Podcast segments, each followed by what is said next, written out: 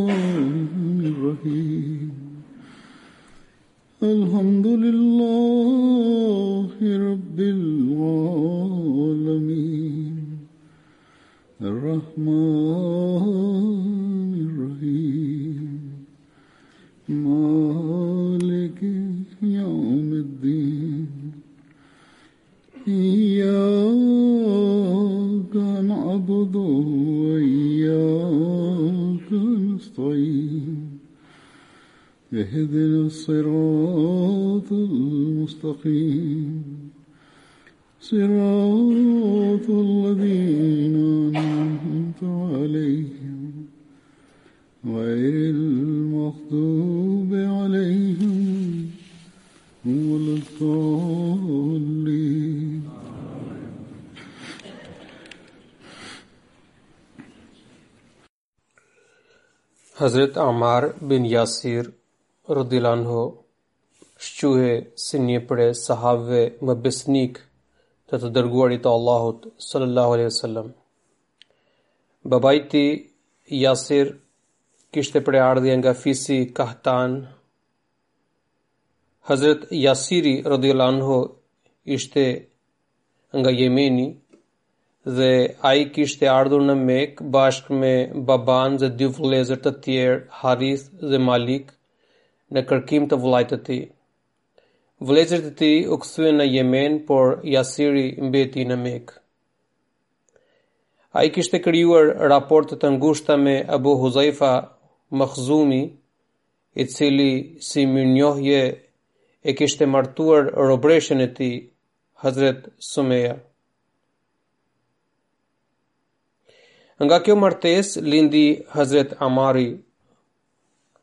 Kjo familje jetoi bashkë me Abu Huzajfën derisa i erdhi vdekja. Me ardhjen e islamit, Hazret Jasiri radiallahu anhu, Hazret Sumeja dhe dy djem të tjerë Amari dhe Abdullahu u bënë muslimanë. Hazret Amar bin Jasiri radiallahu anhu ka transmetuar, ai thotë, unë takova Suheb bin Sinanin te dera e Dare Erkemit, ndërsa i dërguari i Allahut sallallahu alaihi wasallam ndodhej brenda.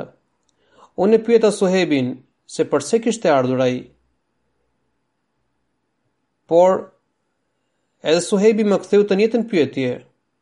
Unë i thashë, kam ardhur të takoj Muhammedin sallallahu alaihi wasallam dhe t'ia dëgjoj fjalët. Suhejbi më tha, "Pasha Zotin, edhe unë me këtë qëllim kam ardhur."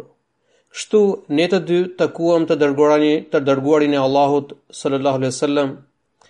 Ai na dha mesazhin e Islamit dhe ne e pranuam atë menjëherë. Ne qëndruam atje pra në Dare Erkem deri ndaj të të ngrysur dhe derisa u errësua dhe pastaj dolëm fshehurazi. Kohën kur Hazret Amari radhiyallahu anhu dhe Hazret Suhebi radhiyallahu anhu kishin pranuar Islamin, numri i muslimanëve kishte kaluar 30. Sipas një transmitimi të Sahih Buhariut, Hazret Amar bin Jasiri radiallahu anhu ka thënë që ai kishte parë të dërguarin e Allahut sallallahu alaihi wasallam kur vetëm 5 skllevër, dy gra dhe Abu Bekri e kishin pranuar. Hazret Kalifi i dytë radiallahu ka shkruar këto fjalë për këtë sahab të shquar. Ai thotë Zoti mundësoi që në njëra anë njerëzit nga familjet më të shquara të Mekës i shërbyen Islamin. Ndërsa në anën tjetër, disa persona të thjeshtë dhe të varfër kryen detyrat madhore. Aliu, Hamzai, Omeri dhe Osmani, që të gjithë u, u përkisnin familjeve të shquara fisnike të Mekës. Ndërsa krahës tyre, Zedi, Bilali, Samura, Khubejbi, Suhebi, Am Amiri, Amari, Ebu Fukejha, konsideroheshin nga shtresa të shtresa e ulët. Kështu, shërbëtorët e islamit u zgjodhën si nga shtresa e lartë, po ashtu nga ajo e ulët. Në një vend tjetër ai shkruan, Sumeja ishte skllavja e Abu Xhehlit. Ai ushtronte dhunë dhe shtypje ndaj saj dhe e detyronte të mohonte islamin. Por ajo mbeti e palëkundur në këtë besim me një qëndresë të papërkulur. Një ditë, Abu Xhehli u tërbua aq shumë, saqë e sulmoi Sumejen dhe i shpoi organin gjenital me shtizë, e cila ia përshkoi edhe barkun dhe ajo duke u përpëlitur dha jetë. Amari, i cili ishte djali i Sumejas, gjithashtu ishte në shënjestër të mizorive. Atë e shtrinin në rërë përvëluese dhe e torturonin rëndë. Në histori gjendet një dëshmi nga Urwa bin Zubejri, i cili ka thënë që Amar bin Jasiri u përkiste atyre njerëzve të pafuqishëm të Mekës, të cilët dhunoheshin dhe shtypeshin vetëm që të mohonin besimin e tyre. Muhammed bin Omeri ka thënë që fjalët e Kuranit famëlartë për njerëz të pafuqishëm u referohen atyre muslimanëve që jetonin në Mekë, por që nuk kishin lidhje fisnore me Mekasit dhe kështu nuk kishin as fuqi e as mbrojtje. Kureshët i rrihnin dhe i dhunonin në piskun e vapës dhe i detyronin të largoheshin nga besimi i tyre. Omer bin Al-Hakami ka thënë që kurejshët i torturonin Amar bin ja, Amar bin Yasirin, Suhebin dhe Abu Fukejhen aq shumë sa që ua nxirrnin fjalët kundër dëshirës, të cilat ata nuk i pranonin. Pra, për ta mohuar fenë dhe fjalët që ishin kundër profetit sallallahu alaihi wasallam. Muhammed bin Kaab al-Qurtubi ka shkruar që dikush më tregoi se e kishte parë Amar bin Yasirin me me pijame. Ai gjithashtu shikoi se shpina i i i ishte ëntur dhe kishte shenja plage. Ai e pyeti Amarin se çfarë ishin ato. Amari i tregoi se ato ishin nga plagat që i kishte marrë nga torturat e kureshve të Mekës në vapë përvëluese. Amr bin Maimun ka treguar që njëherë idhujtarët e Mekës e kishin djegur Amarin me zjarr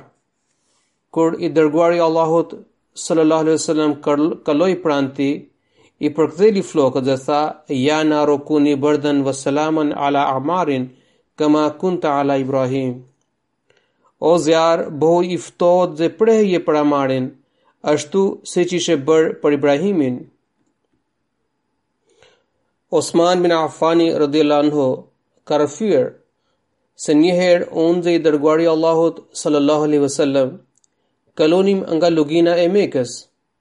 Profeti alayhis salam më kishte kapur për dore. Ne Shkuam te Amari dhe prindërit e tij, Jasiri dhe Sumeja. Ata heqnin sfilitje të rënda, vuajtje të rënda nga dora e mosbesimtarëve. Jasiri e pyeti profetin, o i dërguari i Allahut, a do të vazhdojë kështu përgjithmonë?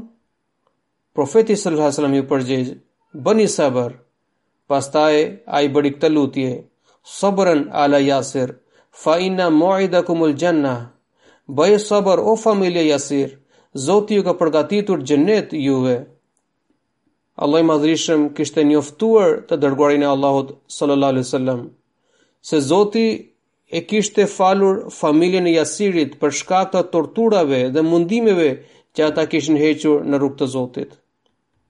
Ka edhe transmetime të ngjashme. Në njërin në njërin prej tyre thuhet se i dërguari i Allahut sallallahu alaihi wasallam po kalonte pranë familjes së Amarit, teksa ata po torturoheshin dhe ai u dha këtë myzhde: të gëzoni sepse Zoti ju ka premtuar xhenetin.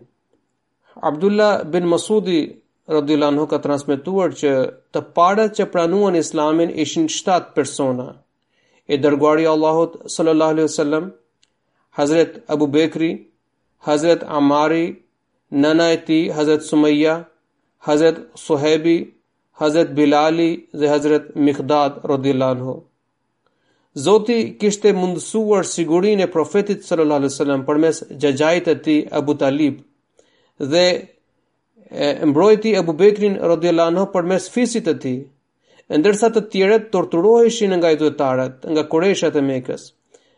Ata u vinin parzmore të rënda prej hekuri dhe i linin për t'u djegur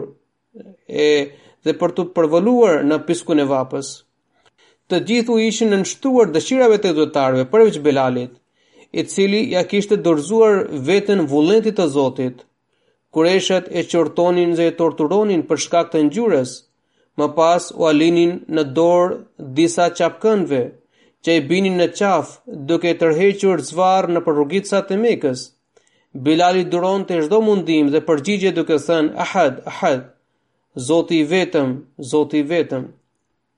Këto transmetime që tregojnë numrin e muslimanëve të parë, mund të mos jenë të sakta, sepse në hadithin e mësipërm, kur Amari kishte pranuar islamin, numri i muslimanëve është treguar rreth 30, ndërsa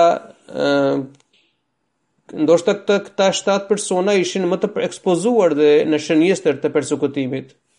Idhujtarët e torturonin Amarin duke e zhytur. Ata i zbraznin kovat me ujë duke i vështirësuar frymëmarrjen. Kjo metodë torture praktikohet edhe sot kundër të akuzuarve apo thjesht ndaj kundërshtarëve politikë. Sipas një transmetimi, Një herë i dërguari i Allahut sallallahu alaihi wasallam kalonte pranë Amarit, teksa ai qante me dënes. Resulullah sallallahu alaihi wasallam ia fshiu lotët dhe i tha, "Unë e di që idhujtarët të kanë torturuar duke zhytur me ujë dhe që dhe që ke thënë këtë dhe këtë fjalë kundër dëshirës sate.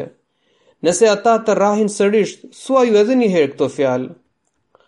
Hazret Mirza Bashir Ahmed Sahibi radhiyallahu anhu ka shënuar këtë ngjarje me hollësi në veprën e tij Siratul Sirat Khatamun Nabiyyin.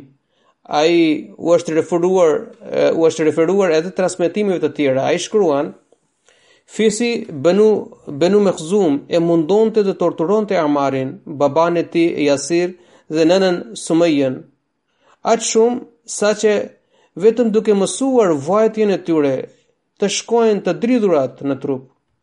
Njëherë ky grup i vogël i muslimanëve njëherë ky grup i vogël i muslimanëve besnik duronin tortura të tilla kur i dërguari i Allahut sallallahu alaihi wasallam rastësisht kaloi pranë tyre.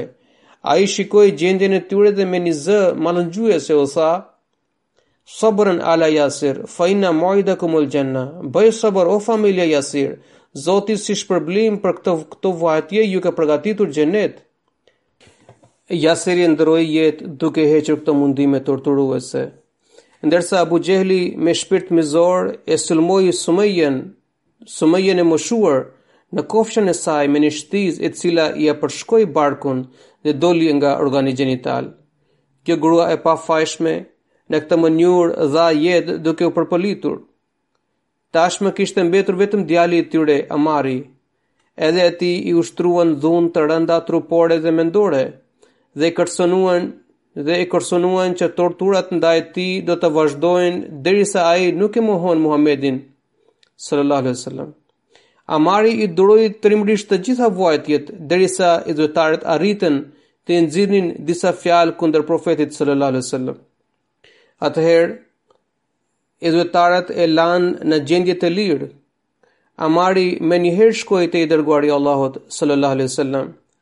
Teksa qante me dënesë, çfarë të ndodhi, e pyeti profeti. Gjëmë e madhe, tha Amari. Ata më rrahën dhe më lënduan pa pushim dhe nuk më lanë derisa më nxorën fjalët nga gjuha ime kundër teje, o i dërguari i Allahut, dhe të mbaj anën e hyjnive. Ai e pyeti çfarë të ndjeje në zemër kur i thoshe këto fjalë? Një besim të patundshëm, tha Amari. Nëse zemra të ishte bindur ty, atëherë Zoti i lartësuar të faltë këtë dobësi, të faltë këtë dobësi, e ngushëlloi ai. Mesihu i premtuar alaihi salam në librin e tij të famshëm, Çeshma-i Marifet, ka cituar një autor hindu, Prakash Devji, i cili kishte përpiluar biografinë e profetit Muhammed sallallahu alaihi wasallam. Ai gjithashtu u kishte bërë thirrje anëtarëve, pra Mesihu i premtuar alaihi salam u kishte bërë thirrje anëtarëve që të blinin atë libër dhe ta lexonin sepse i përkiste një jomuslimani. Pra, ky autor ka shkruar Profeti duroi çdo mizori që i bëhej atij me vendosmëri, por zemra i pikonte gjak dhe hidhërohej jashtë mase kur shikonte se si lëndoheshin mizorisht shokët e tij. Këta besimtarë të shkretë hiqnin mizori dhe sfilitje të rënda. Idhujtarët i detyronin të shtriheshin lakuriq në rërën përvëluese të shkretëtirës. Madje i, vend, i vendosnin gur Madje i vendosnin gurë të rëndë në gjoksin e tyre që të mos lëviznin. Ata përpëliteshin nga afshi i nxehtë dhe nga etja e nxirrnin gjuhën dhe shumë njerëz dhanë jetë në këtë periudhë të vështirë. Amari ishte njëri ishte një prej këtyre i cili duroi çdo mizori dhe padrejtësi me guxim dhe druajtje. Kurejshët e lidhnin dhe e shtrinin në tokë të vrazhdë dhe vendosnin gurë të rëndë në gjoks. Pastaj e detyronin të përgojonte Muhammedin sallallahu alaihi wasallam. E njëjta torturë usht, u ushtrua nga bab, nga e njëjta torturë u ushtrua edhe ndaj babait të tij të moshuar, Bashkëshortja e tij, Sumeja nuk duroi dot këtë dhunë ndaj bashkëshortit dhe djalit të saj. Ajo u përgjërua dhe kërkoi mëshirë, por si reagim kurejshët ia hoqën rrobat asaj zonje fisnike dhe të pafajshme në praninë e bashkëshortit dhe djalit të saj. Ata e dhunuan dhe torturuan në mënyrë aq çnjerëzore, saqë nuk më lejon etika dhe turpi të dëftoj atë. Përfundimisht, duke hequr këtë këtë këtë mundime të rënda, kjo grua fisnike dha jetë në përpëlitje të mëdha. Sufjani i ka transmetuar nga babai i tij, që Amari, që Amar bin Jasiri radhiyallahu anhu, ishte i pari që kishte bërë një xhami në shtëpi për adhurim. Kur Amari radhiyallahu anhu mërgoi në Medinë, ai u vendos në shtëpinë e Mubasher bin Abd, Abdul Munzir, I dërguari i Allahut sallallahu alaihi wasallam kishte vendosur lidhje vëllazërore midis Hudhaifa bin al-Yamanit radhiyallahu anhu dhe Ammar bin Yasirit radhiyallahu anhu. Profeti sallallahu alaihi wasallam gjithashtu i dhuroi Ammarit një truall për banim. Ata bin Rabah ka thënë që kur Abu Salma dhe Ume Salma mërguan drejt Medinës, Amar bin Jasiri radhiyallahu anhu iu bashkua sepse ata ishin miq. Amar bin Yasiri ishte edhe vëllai i Ume Selma nga lidhja e gjirit. Ikrama ka transmetuar që Abdullah bin Abbasi radhiyallahu anhu i tha djalit të tij Ali bin Abdullah dhe atij që që të shkonin te Abu Said al-Hudri radhiyallahu anhu dhe ta dëgjonin atë. Ikrama ka thënë që ne shkuam tek ai Pra, te Abu Sa'id al-Khudri radhiyallahu anhu, teksa ai po ujiste pemët në kopsh në kopsht bashkë me vëllain e tij. Kur na pa, ai menjëherë u afrua dhe u ul këmbëkryq para nesh.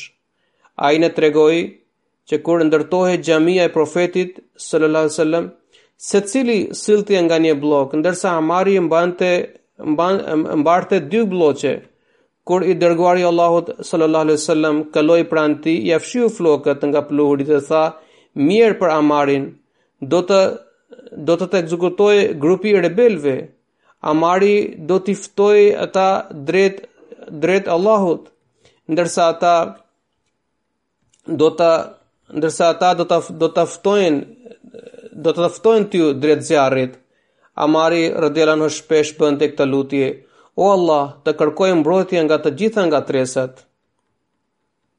Abdullah bin Hazili radhiyallahu anhu rrëfen se kur i dërguari Allahut sallallahu aleyhi vësallem nisi ndërtimin e xhamisë në Medinë, Të gjithë muslimanët filluan transportimin e gurëve.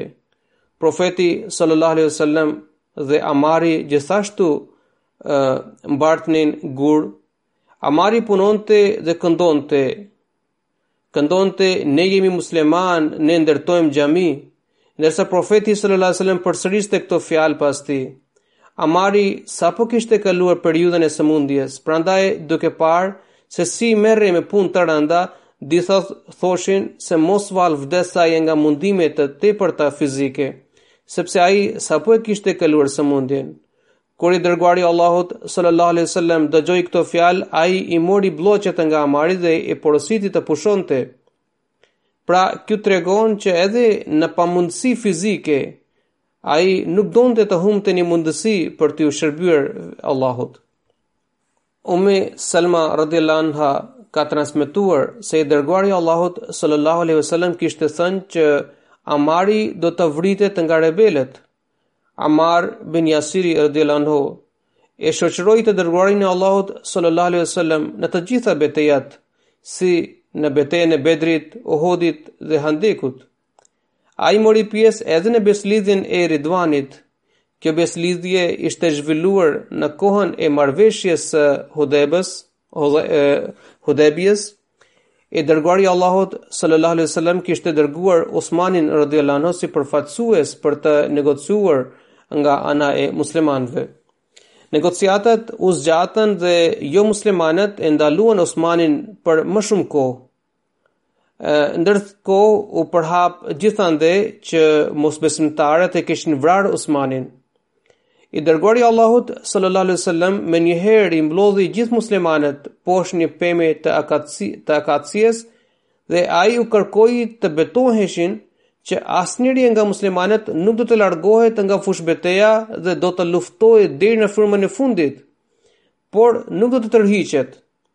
Sahabët ishin mbushur me besim dhe binin mbi njëri-tjetrin për të për t'u betuar. Teksa po merrte betimin i dërguari i Allahut sallallahu alaihi wasallam vuri dorën e tij të majtë mbi dorën e djathtë dhe tha që kjo është dora e Osmanit, sepse po të ishte i pranishëm, kurrë nuk do të tregonte dobësi. Sidoqoftë, më vonë u mësua që ky lajm nuk ishte i vërtetë dhe Osmani radhiyallahu anhu, radhiyallahu anhu u kthye mirë dhe shëndoshë në kampin e muslimanëve. Hazret Hakem bin bin Utaiba radhiyallahu anhu ka transmetuar që i dërguari i Allahut sallallahu alaihi wasallam kishte mbërritur në Medinë në pasdite. Amari radhiyallahu anhu sugjeroi që duhet të bëjnë një vend ku i dërguari i Allahut sallallahu alaihi wasallam mund të pushonte në hije dhe të falte namazin. Kështu Amari radhiyallahu anhu mblodhi disa gurë dhe hodhi themelet për xhaminë Quba. Kjo ishte xhamia e parë që u ndërtua dhe gurthemelin e saj e hodhi vetë Amari radhiyallahu anhu. Amari radhiyallahu anhu shquhej për trimërinë e tij. Ibn Omeri radhiyallahu anhu ka thënë që ai e kishte parë Amarin radhiyallahu anhu në betejën e Yamamas.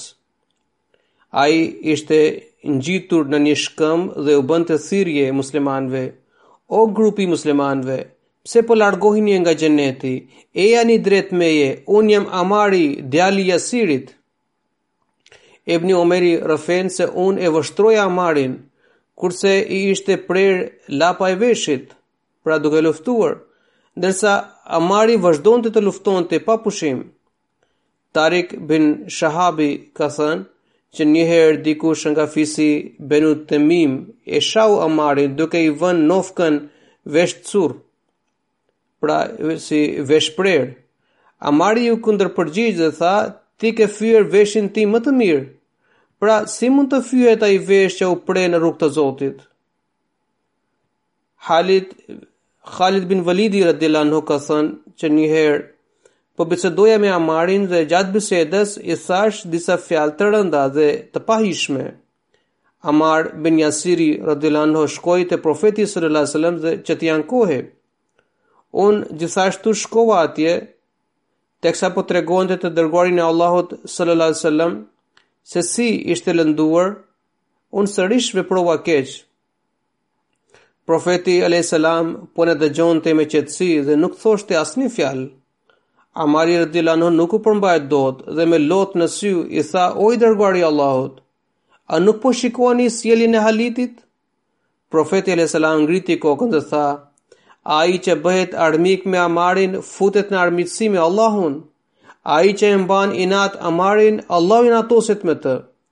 Halit bin Velidi, radhiyallahu anhu ka thënë, kur dëgjova këto fjalë m'u trondit shpirti, Në atë çast, gjëja më e shtrenjtë për mua ishte që Amari të pajtohej me mua. Kështu shkova tek Amari dhe i kërkova falje. Këtë ngjarje e ka transmetuar edhe Eshteri. Ai tregon Kam dëgjuar Halid bin Velidin duke treguar që i dërguari i Allahut sallallahu alaihi wasallam më dërgoi në një ekspeditë ushtarake. Amar bin Jasiri ishte gjithashtu me mua. Gjatë këtij operacioni, gjatë këtij operacioni takuam një popull dhe një familje tregoi rreth Islamit. Amari radhiyallahu anhu gjithashtu tregoi se ata ishin monoteistë, por unë nuk u kushtova vëmendje asaj familje. Unë u sola me të në të njëjtën mënyrë siç po sillesha me të tjerët. Amari radhiyallahu anhu më paralajmëroi se do të ankohej profetit për këtë sjellje. Ai takoi të dërguarin e Allahut sallallahu alaihi sallam dhe ia rrëfeu këtë ngjarje,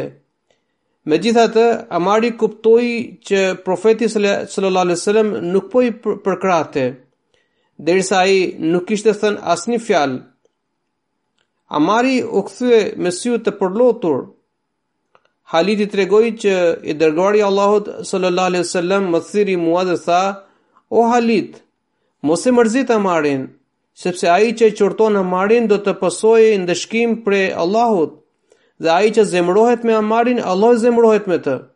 Ai që e quan Amarin mendjelehtë, Allahu ia kthen këtë fjalë atij. Hazret Ali radhiyallahu anhu ka thënë që ndërkohë isha në shoqërinë e të dërguarit të Allahut sallallahu alaihi wasallam, Amar bin Jasiri kërkoi leje për të hyrë brenda. Profeti sallallahu alajhi wasallam tha, i dha leje dhe i tha, mirë se vjen o njeri i pastër dhe i dëlir. Pra kështu profeti sallallahu alajhi wasallam e vlerësoi Amarin. Hazret Aisha radhiyallahu anha ka transmetuar që i dërguari i Allahut sallallahu alajhi wasallam ka thënë, nëse i jepet mundësi Amarit për të zgjedhur njërën prej dy çështjeve, çështjeve ai gjithmonë anohet nga urtësia dhe udhëzimi. Amr bin Sherxhili radhiyallahu anhu ka thënë, që i dërguari i Allahut sallallahu alaihi wasallam ka thënë, çdo gjymtyrë e Amarit është kredhur në besim. Pra, Amar bin Jasiri ishte prej atyre robërve të zgjedhur, të cilët Zoti i kishte mbrojtur nga tundimet e djallit.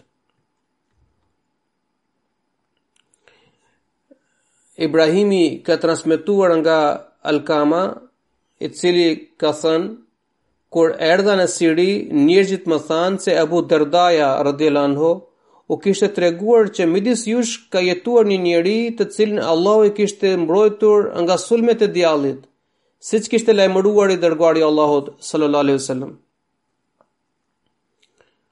Kur i dërguari i Allahut sallallahu alaihi wasallam vendosi për ta triumfuar Mekën, ai filloi përgatitje ushtarake. Edhe pse sahabët kishin nisur përgatitje luftarake, qëllimi ishte aq i fshehur saqë shumica nuk dinin se po përgatiteshin për t'u nisur drejt Mekës. Në këtë kohë, Hatib bin Baltaja Një sahab i cili kishte marrë pjesë edhe në luftën e Bedrit, nga thjeshtësia dhe naiviteti nisi një letër të fshehur drejt Mekës, në të cilën kishte shënuar të gjitha hollësitë e sulmit ndaj Mekës. Pra, rreth përgatitjeve që muslimanët bënin për këtë sulm. Këtë letër ai ia kishte dorëzuar një e, një gruaje e cila kishte ardhur nga Meka. Ndërkohë ajo u nis drejt Mekës. Zoti i Madhërishëm njoftoi të dërguarin e Allahut sallallahu alaihi wasallam për këtë ndodhi.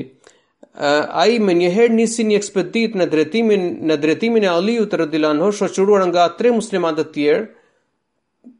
për të për të ndjekur këtë këtë grua dhe për t'ia marrë letrën.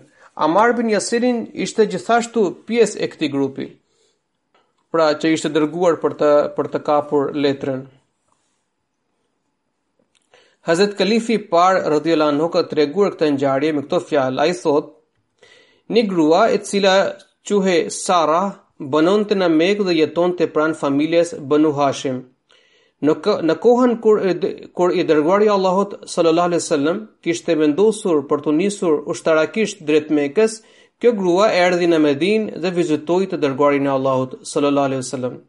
Profeti e pyeti se a kishte pranuar Islamin dhe ishte arratisur nga Meka, ajo u përgjigj që jo, nuk kam pranuar Islamin, në fakt, fisi juaj gjithmonë më ka ndihmuar, prandaj kam ardhur t'ju kërkoj ndihmë. I dërguari i Allahut sallallahu alaihi wasallam porositi muslimanët për t'i dhënë asaj disa rroba dhe para. Kështu ajo u kthye nga nga Medina dhe u nis për në Mekë. Para se të nise, e takoi Hatibi, i cili ishte ndër sahabët e Bedrit. Ai i dha 10 dirham dhe një letër dhe porositi që t'ia dorëzonte atë letër banorëve të Mekës. Ajo pranoi këtë detyrë dhe u nis bashkë me këtë letër. Në këtë letër, Hatibi kishte lajmëruar banorët e Mekës për vendimin e e të dërguarit të Allahut sallallahu alaihi wasallam për të sulmuar Mekën. Profeti alayhis salam u njoftua prej Zotit lidhur me këtë letër, kur ajo akoma ishte në Medinë. Ai pra profeti sallallahu alajhi wasallam menjëherë nisi Aliun dhe Amarin bashkë me disa muslimanë të tjerë për ta kapur këtë grua dhe për t'ia marrë letrën dhe në rast hezitimi edhe për ta ekzekutuar atë. Muslimanët e ndaluan atë grua në në në rrugë, por ajo u betua se dhe dhe nuk pranoi absolutisht që kishte marrë ndonjë letër. Atëherë Aliu nxori shpatën dhe tha që jemi njoftuar nga shpallja, prandaj kjo nuk mund kjo nuk mund të jetë gënjeshtër.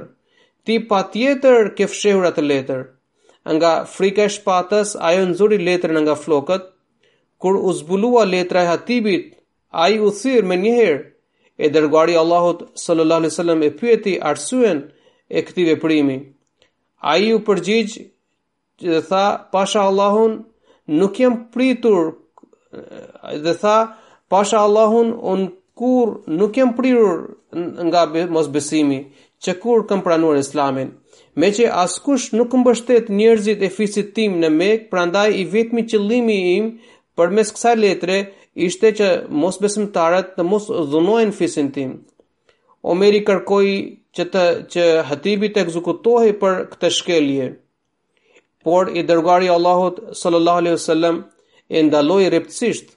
Ai gjithashtu tha që Allahu ka shprehur kënaqësi ndaj sahabëve të Bedrit dhe u ka dhënë premtim dhe u ka dhënë u ka premtuar falje. Pra, ai bëri këtë veprim nga naiviteti, pra dhe duke bërë këtë, ai nuk kishte, nuk kishte dashur të, të dëmtonte qëllimisht muslimanët. Hazret Omeri radiallahu anhu njëherë e emëroi Amar bin Jasirin si guvernator i Kufës. Në dekretin e tij i drejtuar qytetarëve të Kufës, ai kishte një emëruar Amar bin Jasirin si guvernator, pra amir. Ë ndërsa Ibn Masudin si muallim dhe vezir, si dhe përgjegjës për Bejtul Malin, pra për çështjet financiare. Këta të dy janë sahabë të nderuar të profetit sallallahu alajhi wasallam, të cilët kishin marrë pjesë në luftën e Bedrit.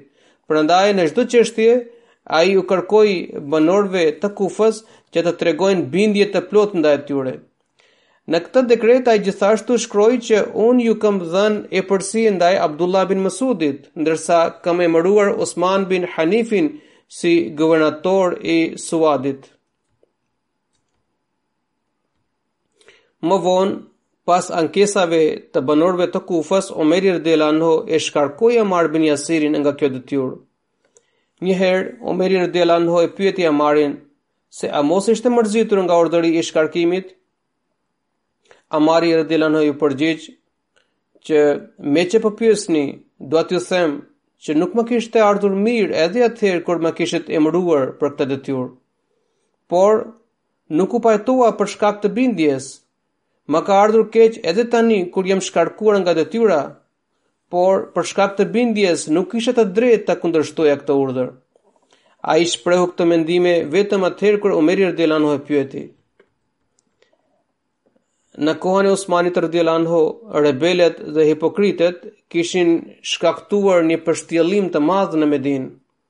Amar bin Jasiri radiallahu anhu për shkak të thjeshtësisë së tij të natyrshme, u mashtrua nga dredhitë e rebelëve, edhe pse konkretisht ai nuk kishte bërë asgjë. Hazret Kalifi i Dytë radiallahu anhu ka përshkruar këtë pjesë të historisë islame me këto fjalë, ai shkruan, Nga qyteti i Medinës, vetëm tre persona i mbështes, i mbështesnin rebelët. I pari ishte Muhammed bin Abu Bekri, Djali i Abu Bekrit, sipas historianve, meqë njerëzit e respektonin për shkak të babait të tij, ai filloi të mendonte gjoja gëzonte një status në shoqëri. Përndryshe ai nuk shquhej as në rendin shoqëror dhe as nuk kishte përfituar nga shoqërimi me të dërguarin e Allahut sallallahu alaihi wasallam. Madje edhe më vonë nuk ishte thelluar në dituri, në diturinë fetare. Ai ishte lindur në kohën e Haxhit të Lamtumirës dhe ishte akoma një foshnje kur i dërguari i Allahut sallallahu alaihi wasallam ndërroi jetë. Ishte vetëm 4 vjeç kur babai i tij, Abu Bekri radhiyallahu anhu, u nda nga jeta. Prandaj mbeti i privuar nga edukimi i këtij njeriu të pashembullt.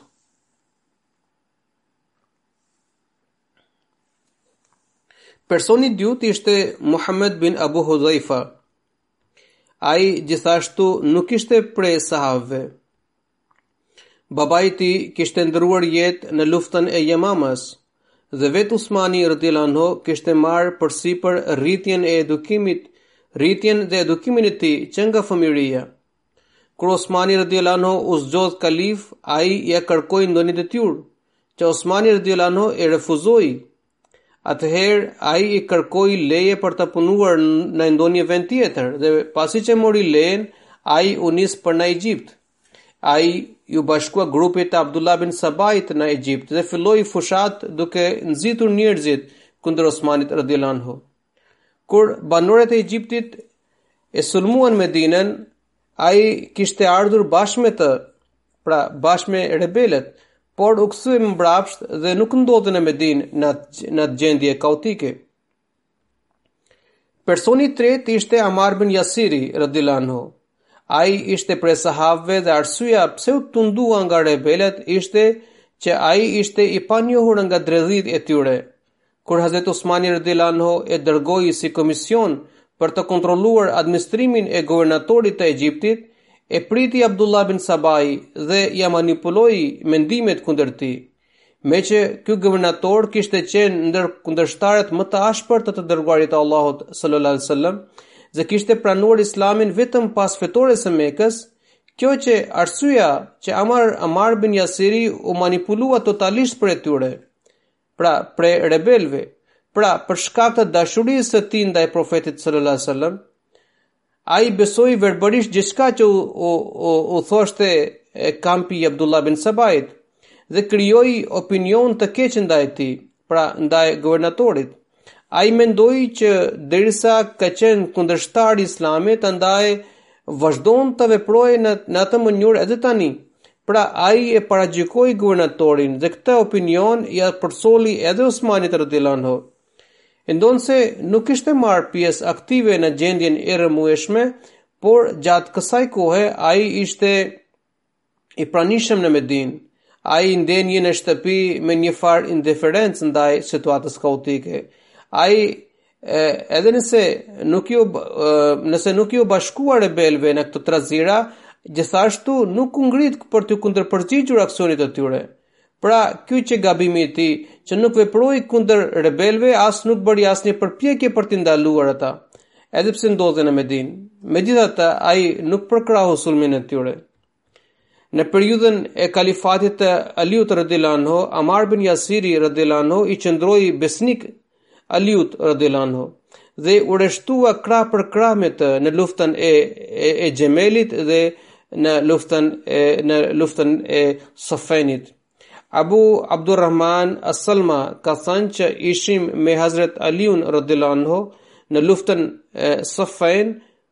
Unë e pashë Amar bin Jasirin duke luftuar. Kudo që shkonte ai, sahabët e të dërguarit të Allahut sallallahu alaihi sallam rreshtoheshin pas tij dhe e ndiqnin nga pas, sikur ishte flamurtar. Kjo luftë ishte zhvilluar midis Hazret Aliut dhe guvernatorit të Sirisë Amir Muavjas. Unë e pashë që Amari kishte marrë pamjen e një njeriu të moshuar. Ai ishte shtatlartë, me fytyrë, me fytyrë zeshkane. Amari mbante shtizë në dorë e cila dridhej për shkak të moshës. Dhe ai tha, pra Amari radiallahu anhu tha, betohem për atë Zot. që kontrollon shpirtin tim se kam marrë pjesë në tri luftra bashkë me të dërguarin e Allahut sallallahu alaihi wasallam me këtë shtizë. Dhe kjo është lufta e katërt. Pasha Zotin, edhe nëse kundërshtarët tanë na shtyjnë e zmbra na na shtyjnë dhe na zmbrapsin deri në palmat e Hixhrit e Hixhrit prapë do të jemi bindur se kauza jonë është e drejtë dhe legjitime. Abul Bakhtari ka thënë që në luftën e Sofajnit, Amar bin Jasiri radiallahu anhu kërkoi qumësht për të pirë dhe tha që i dërguari i Allahut sallallahu alaihi wasallam i kishte thënë që qumështi do të jetë pija ime e fundit në këtë jetë. Pra, e, e pija e fundit që do të kem do të jetë qumështi. Ai e piu dhe pastaj u ngrit për të luftuar dhe, dhe ra dëshmor. Sipas një transmetimi tjetër, kur iu servir qumështi, ai buzëqeshi dhe tha, i dërguari i Allahut sallallahu alaihi wasallam më kishte thënë që pija e fundit që do të kem në këtë botë do të jetë qumështi. Pra ishte i lumtur se do të martirizohej atë ditë. Atë ditë Amar bin Yasiri gjithashtu tha, parajsa parajsa gjendet nën hijen e shkëlqimit të shpatave. I eturi do të do të arrijë burimin. Sot do të bashkohem me të dashurit e mi. Sot do të takoj Muhammedin sallallahu alaihi wasallam dhe grupin e tij. Abdurrahman bin Al-Abzi ka transmetuar nga babai i tij që duke shkuar drejt Safenit pranë bregut të lumit Furat, Amar bin Yasiri tha këto fjalë. Ai tha: "O Allah, Nëse do të dija se të pëlqen të hidhem nga kjo kodër, unë do të isha hedhur. Nëse do të dija që mund të fitoja pëlqimin tënd duke u hedhur në zjarr, do të kisha bërë këtë pa asnjë ngurrim. O Allah, nëse do të dija që ti, dashir, ti, që ti dëshiron të mbytem në këtë lumë, unë sërish do ta bëja me kënaqësi. Unë po marr pjesë në këtë luftë vetëm për pëlqimin tënd. Dua që të mos dëm, që dua që të mos dëmsh, mos dështoj, të synoj vetëm kënaqësinë tënde. Hazret Amari radhiyallahu anhu u martirizua nga Abu Vadia Mezni, i cili e kishte rrëzuar atë duke e goditur me shtizë. Pastaj një person tjetër e sulmoi atë dhe ia preu kokën. Këta dy ziheshin me njëri-tjetrin lidhur me autorësinë e vrasjes. Kështu shkuan te Muavija dhe secili pretendonte se ishte vrasësi i tij. Amr bin Asi radhiyallahu anhu, që ishte një ndër sahabët e Profetit sallallahu alaihi wasallam, dhe në atë kohë për shkak të disa mosmarrëveshjeve ishte bashkuar Muavijës. Megjithatë, dëshmia e tij e sinqertë tregon se ai ishte i drejtë. Amr bin Asi radhiyallahu anhu u shpreh dhe tha, pashë Allahun këta dy po zihen për dënimin e zjarrit. Hazret Muavija radhiyallahu anhu, ia dëgjoi fjalët. Kur u larguan ata, Muavija i tha Amr, Amr bin Asit, nuk kam parë ashtu siç ke thënë ti. Njerëzit po japin jetën për ne, ndërsa ti po u thua që ata grindeshin për dënimin e zjarrit? Amr bin Asi radhiyallahu anhu iu përgjigj, pashë Allahun, edhe ju e dini që kjo është e vërtetë, pashë Allahun do të kisha dashur të vdisja 20 vjet përpara, dhe jo të shikoja këtë kohë, kur ne po zihemi me njëri-tjetrin. Hazret Amar bin Jasir, Jasari, Hazret Amar bin Jasiri radhiyallahu anhu u martirizua në luftën e Sifinit në vitin 37 pas Hixhretit, në moshën 94 vjeçare, në periudhën e kalifatit të Aliut radhiyallahu anhu. Yahya bin Abisi radhiyallahu anhu ka thënë që kur po martirizohej Amar bin Yasiri, ai la amanet që ta varrosin në ato rroba që i kishte veshur. Hazrat Aliu radhiyallahu anhu respektoi dëshirën e tij.